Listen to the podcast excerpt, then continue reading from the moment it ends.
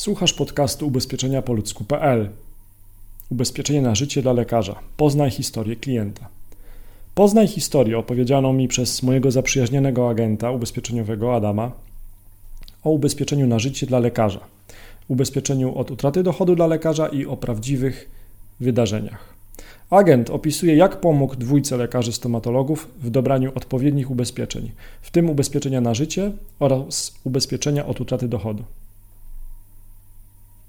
Ubezpieczenie dla lekarza stomatologa.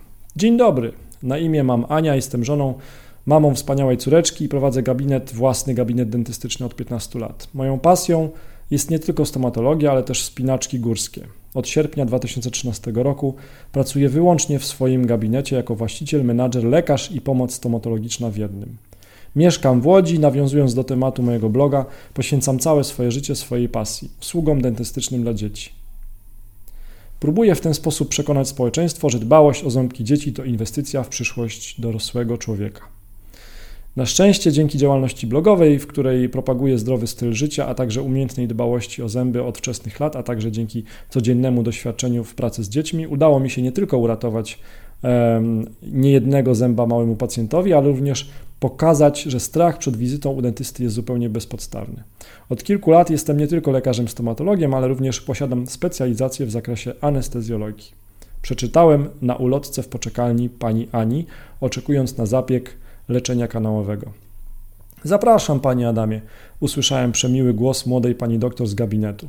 Wchodząc do gabinetu z duszą na ramieniu, spostrzegłem, że jest szczupłą, wysoką i bardzo energiczną kobietą.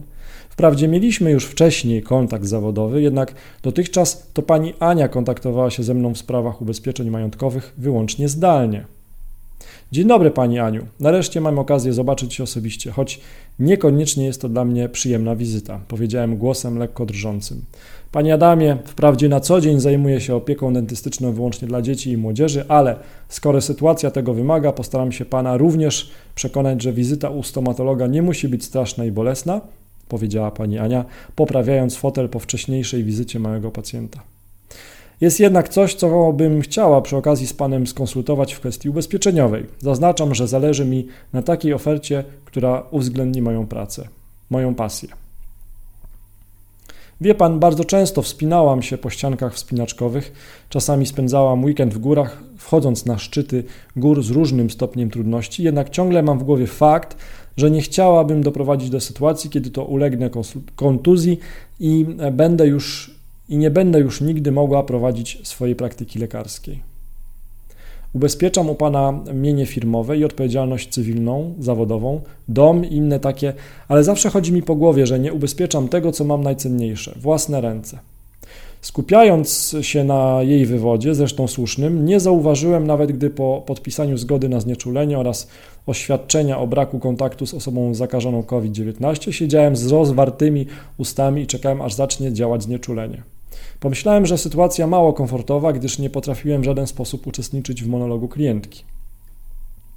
Okazało się jednak, że 15 lat pracy w wiecznej pogoni za każdą minutą czasu wolnego, który można spędzać z najbliższymi lub realizując swoje pasje, spowodowało, że dopiero teraz zrozumiała, że zdrowie jest jednak najważniejsze.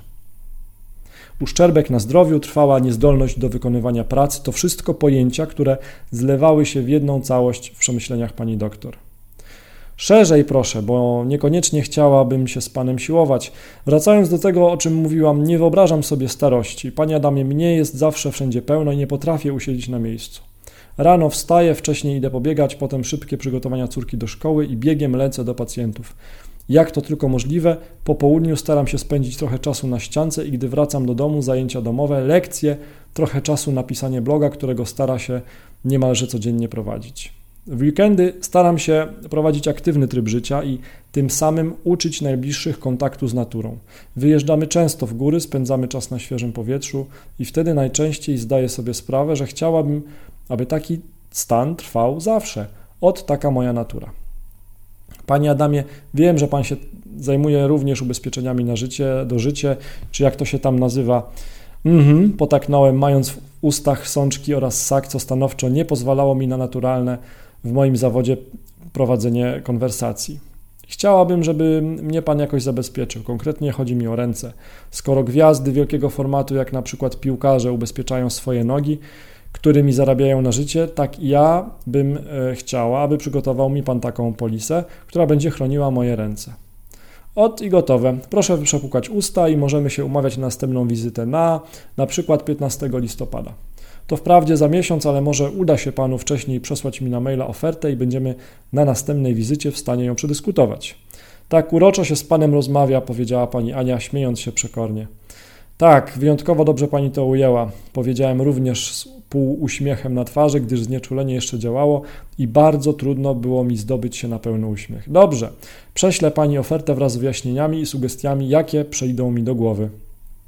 Wychodząc z gabinetu, uświadomiłem sobie, że ta młoda dziewczyna ma wyjątkowy dar, potrafi tak poprowadzić wizytę, że nawet nie zauważyłem, jak w pierwszą część leczenia kanałowego miałem już za sobą, a w głowie jednocześnie układałem wszystkie jej potrzeby i oczekiwania. Po powrocie do firmy, wiedząc, że przez najbliższą przynajmniej godzinę nie będę mógł sobie pozwolić na kawę, ani też tym bardziej na obiad, zdecydowałem się przelać wszystko, co, e, to czego oczekiwała na maila. Chciałem wyjaśnić przede wszystkim, że wszystkie te oczekiwania dotyczące ubezpieczenia jej rąk w polskim żargonie ubezpieczeniowym trzeba odpowiednio podzielić na składowe. Szanowna Pani Aniu, w związku z naszą dzisiejszą rozmową chciałbym Pani przybliżyć zakres ubezpieczenia Pani Złotych Rąk.